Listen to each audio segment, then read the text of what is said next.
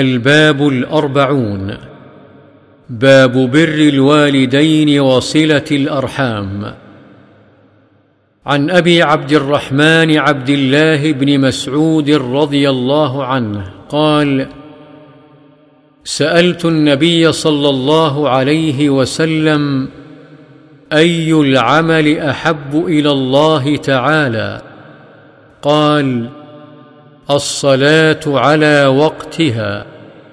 قلت ثم أي؟ قال بر الوالدين. قلت ثم أي؟ قال الجهاد في سبيل الله. متفق عليه. وعن أبي هريرة رضي الله عنه قال قال رسول الله صلى الله عليه وسلم لا يجزي ولد والدا إلا أن يجده مملوكا فيشتريه فيعتقه. رواه مسلم. وعنه أيضا رضي الله عنه أن رسول الله صلى الله عليه وسلم قال من كان يؤمن بالله واليوم الآخر فليكرم ضيفه. ومن كان يؤمن بالله واليوم الآخر فليصل رحمه. ومن كان يؤمن بالله واليوم الآخر فليقل خيرا أو ليصمت. متفق عليه.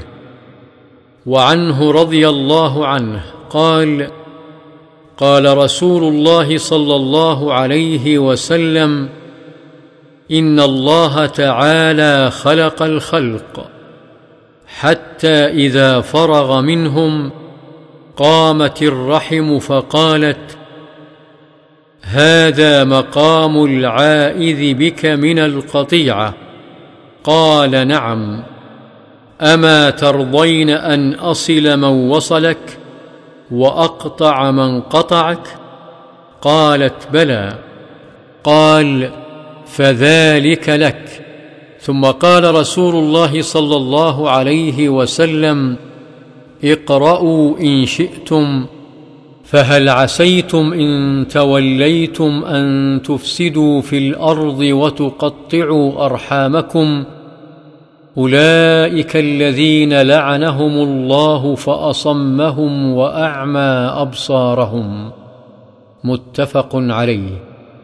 وفي رواية للبخاري فقال الله تعالى من وصلك وصلته ومن قطعك قطعته.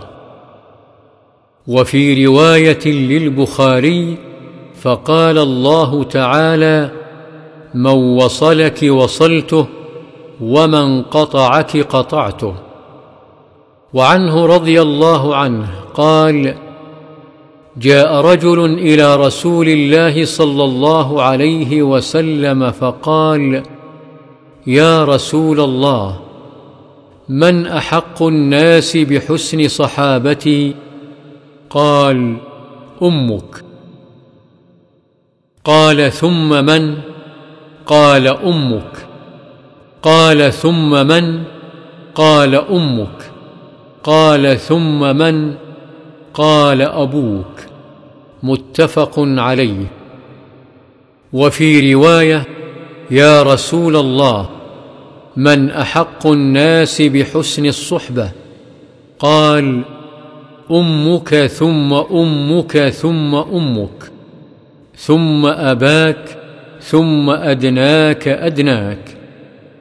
قال أمك. ثم أمك. ثم أمك. ثم أباك. ثم أدناك أدناك. والصحابة بمعنى الصحبة وقوله ثم أباك هكذا هو منصوب بفعل محذوف أي ثم بر أباك. وفي رواية ثم أبوك وهذا واضح. وعنه رضي الله عنه عن النبي صلى الله عليه وسلم قال رغم أنف ثم رغم أنف ثم رغم أنف من أدرك أبويه عند الكبر أحدهما أو كليهما فلم يدخل الجنة. رواه مسلم.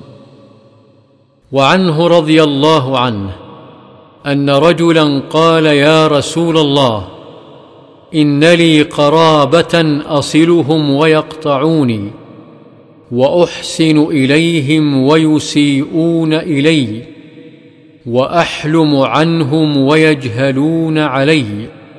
فقال لئن كنت كما قلت فكأنما تسفهم المل ولا يزال معك من الله ظهير عليهم ما دمت على ذلك.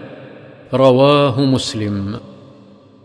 وتسفهم بضم التاء وكسر السين المهملة وتشديد الفاء والمل بفتح الميم وتشديد اللام وهو الرماد الحار أي كأنما تطعمهم الرماد الحار وهو تشبيه لما يلحقهم من الإثم بما يلحق آكل الرماد من الألم.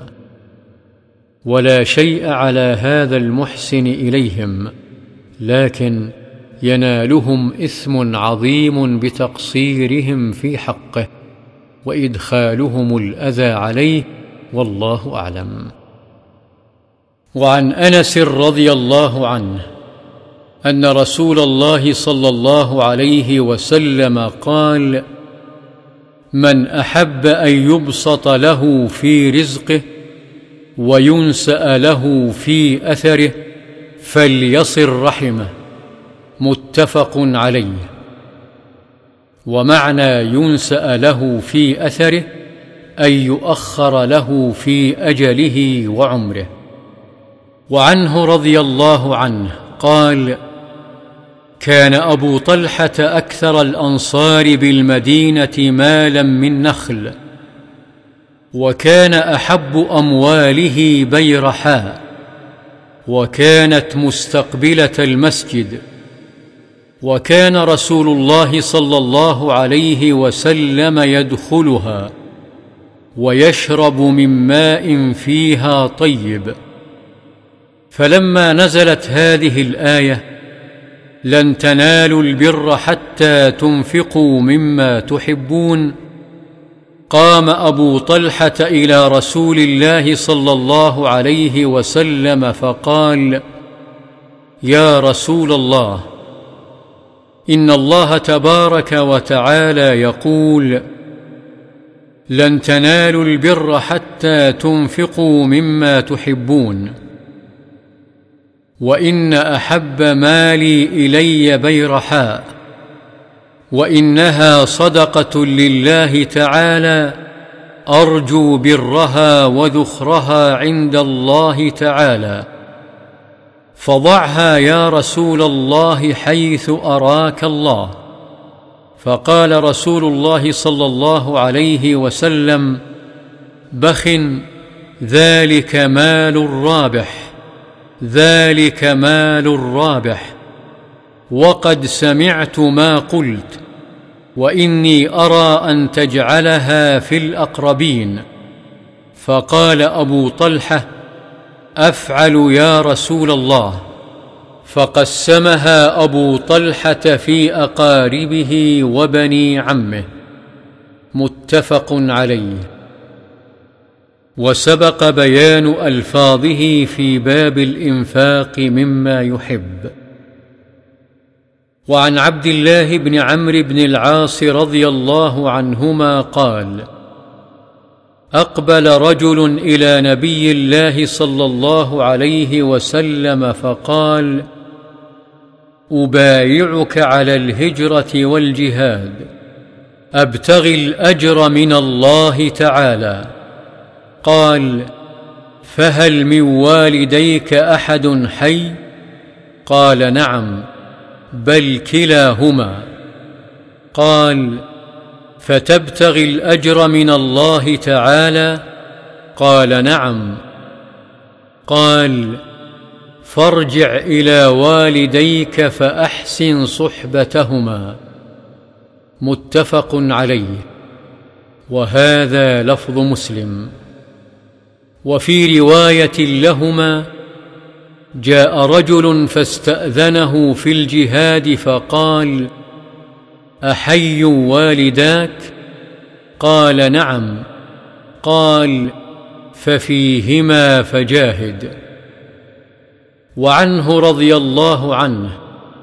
عن النبي صلى الله عليه وسلم قال ليس الواصل بالمكافئ ولكن الواصل الذي إذا قطعت رحمه وصلها. رواه البخاري. وقطعت بفتح القاف والطاء ورحمه مرفوع. وعن عائشة رضي الله عنها قالت قال رسول الله صلى الله عليه وسلم الرحم معلقة بالعرش تقول من وصلني وصله الله ومن قطعني قطعه الله. متفق عليه. وعن أم المؤمنين ميمونة بنت الحارث رضي الله عنها أنها أعتقت وليدة ولم تستأذن النبي صلى الله عليه وسلم فلما كان يومها الذي يدور عليها فيه قالت يا رسول الله إني أعتقت وليدتي قال أو فعلت؟ قالت نعم. قال أما إنك لو أعطيتها أخوالك كان أعظم لأجرك. متفق عليه. وعن أسماء بنت أبي بكر الصديق رضي الله عنهما قالت قدمت علي أمي وهي مشركة. في عهد رسول الله صلى الله عليه وسلم فاستفتيت رسول الله صلى الله عليه وسلم قلت قدمت علي أمي وهي راغبة أفأصل أمي؟ قال نعم صلي أمك متفق عليه وقولها راغبة أي طامعة عندي تسألني شيئا. قيل كانت أمها من النسب وقيل من الرضاعة والصحيح الأول. وعن زينب الثقفية امرأة عبد الله بن مسعود رضي الله عنه وعنها قالت قال رسول الله صلى الله عليه وسلم تصدقن يا معشر النساء ولو من حليكن. قالت فرجعت إلى عبد الله بن مسعود فقلت له إنك رجل خفيف ذات اليد وإن رسول الله صلى الله عليه وسلم قد أمرنا بالصدقة فأته فاسأله. فإن كان ذلك يجزئ عني وإلا صرفتها إلى غيركم. فقال عبد الله بل ائتيه أنت. فانطلقت. فإذا امرأة من الأنصار بباب رسول الله صلى الله عليه وسلم حاجتي حاجتها.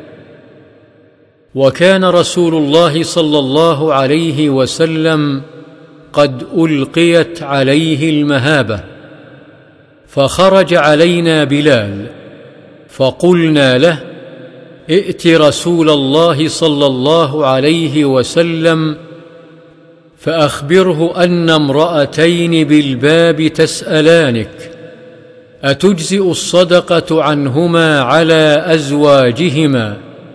وعلى أيتام في حجورهما ولا تخبره من نحن. فدخل بلال على رسول الله صلى الله عليه وسلم فسأله فقال له رسول الله صلى الله عليه وسلم من هما؟ قال امرأة من الأنصار وزينب. فقال رسول الله صلى الله عليه وسلم أي الزيانب هي قال امرأة عبد الله. فقال رسول الله صلى الله عليه وسلم لهما أجران أجر القرابة وأجر الصدقة. متفق عليه. وعن أبي سفيان صخر بن حرب رضي الله عنه في حديثه الطويل في قصة هرقل أن هرقل قال لأبي سفيان فماذا يأمركم به؟ يعني النبي صلى الله عليه وسلم. قال قلت يقول اعبدوا الله وحده ولا تشركوا به شيئا واتركوا ما يقول آباؤكم ويأمرنا بالصلاة والصدق والعفاف والصلة متفق عليه. وعن أبي ذر رضي الله عنه قال قال رسول الله صلى الله عليه وسلم إنكم ستفتحون أرضا يذكر فيها القيراط.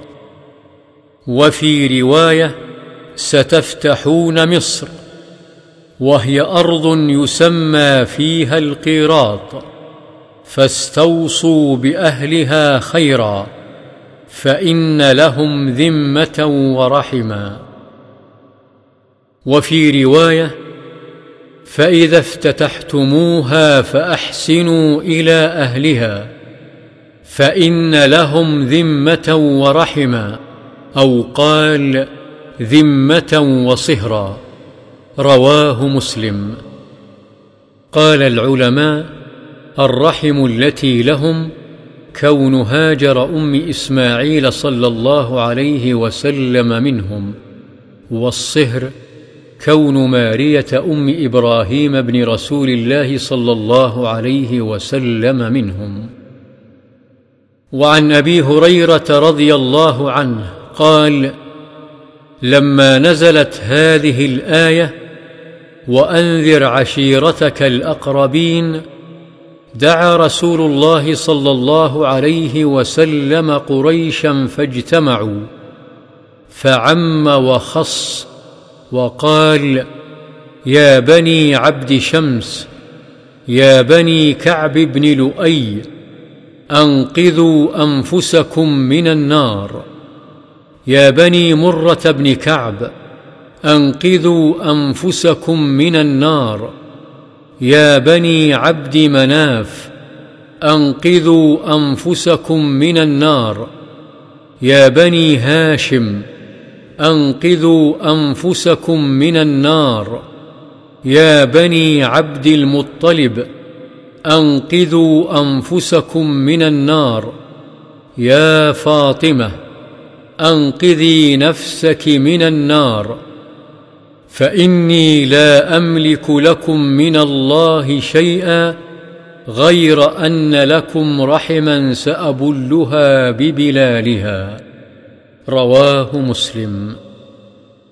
قوله صلى الله عليه وسلم ببلالها هو بفتح الباء الثانية وكسرها.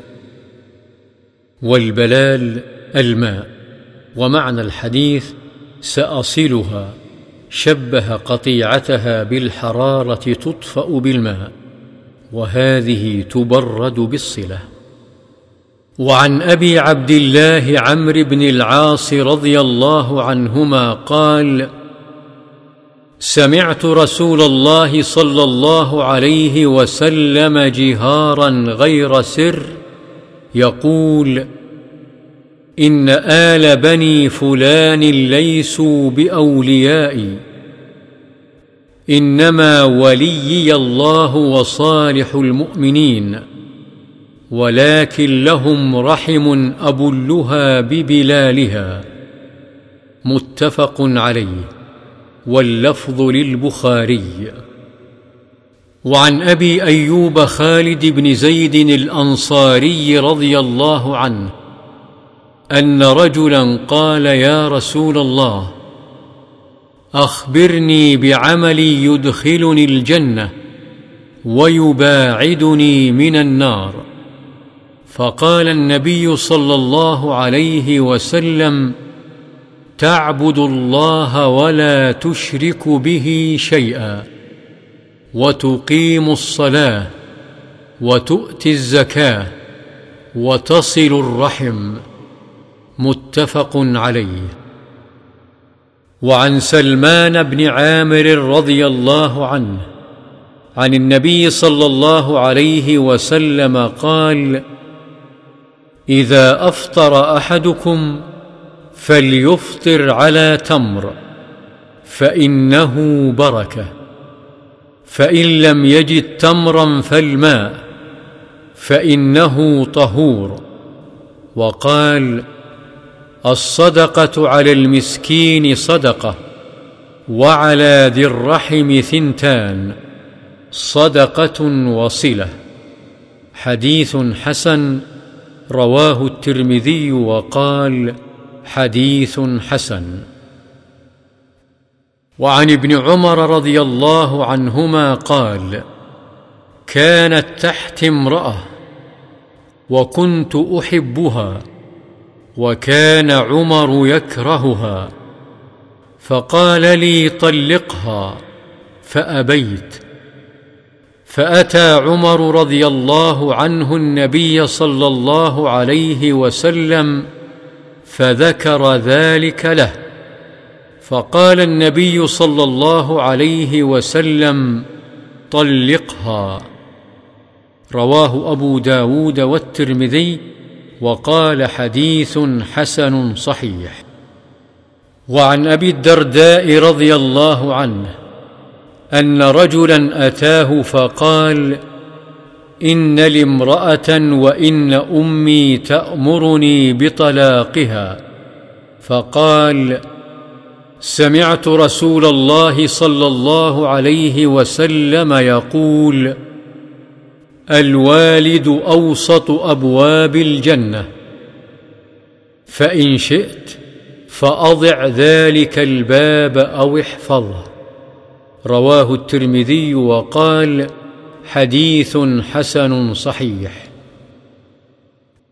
وعن البراء بن عازب رضي الله عنهما عن النبي صلى الله عليه وسلم قال الخالة بمنزلة الأم.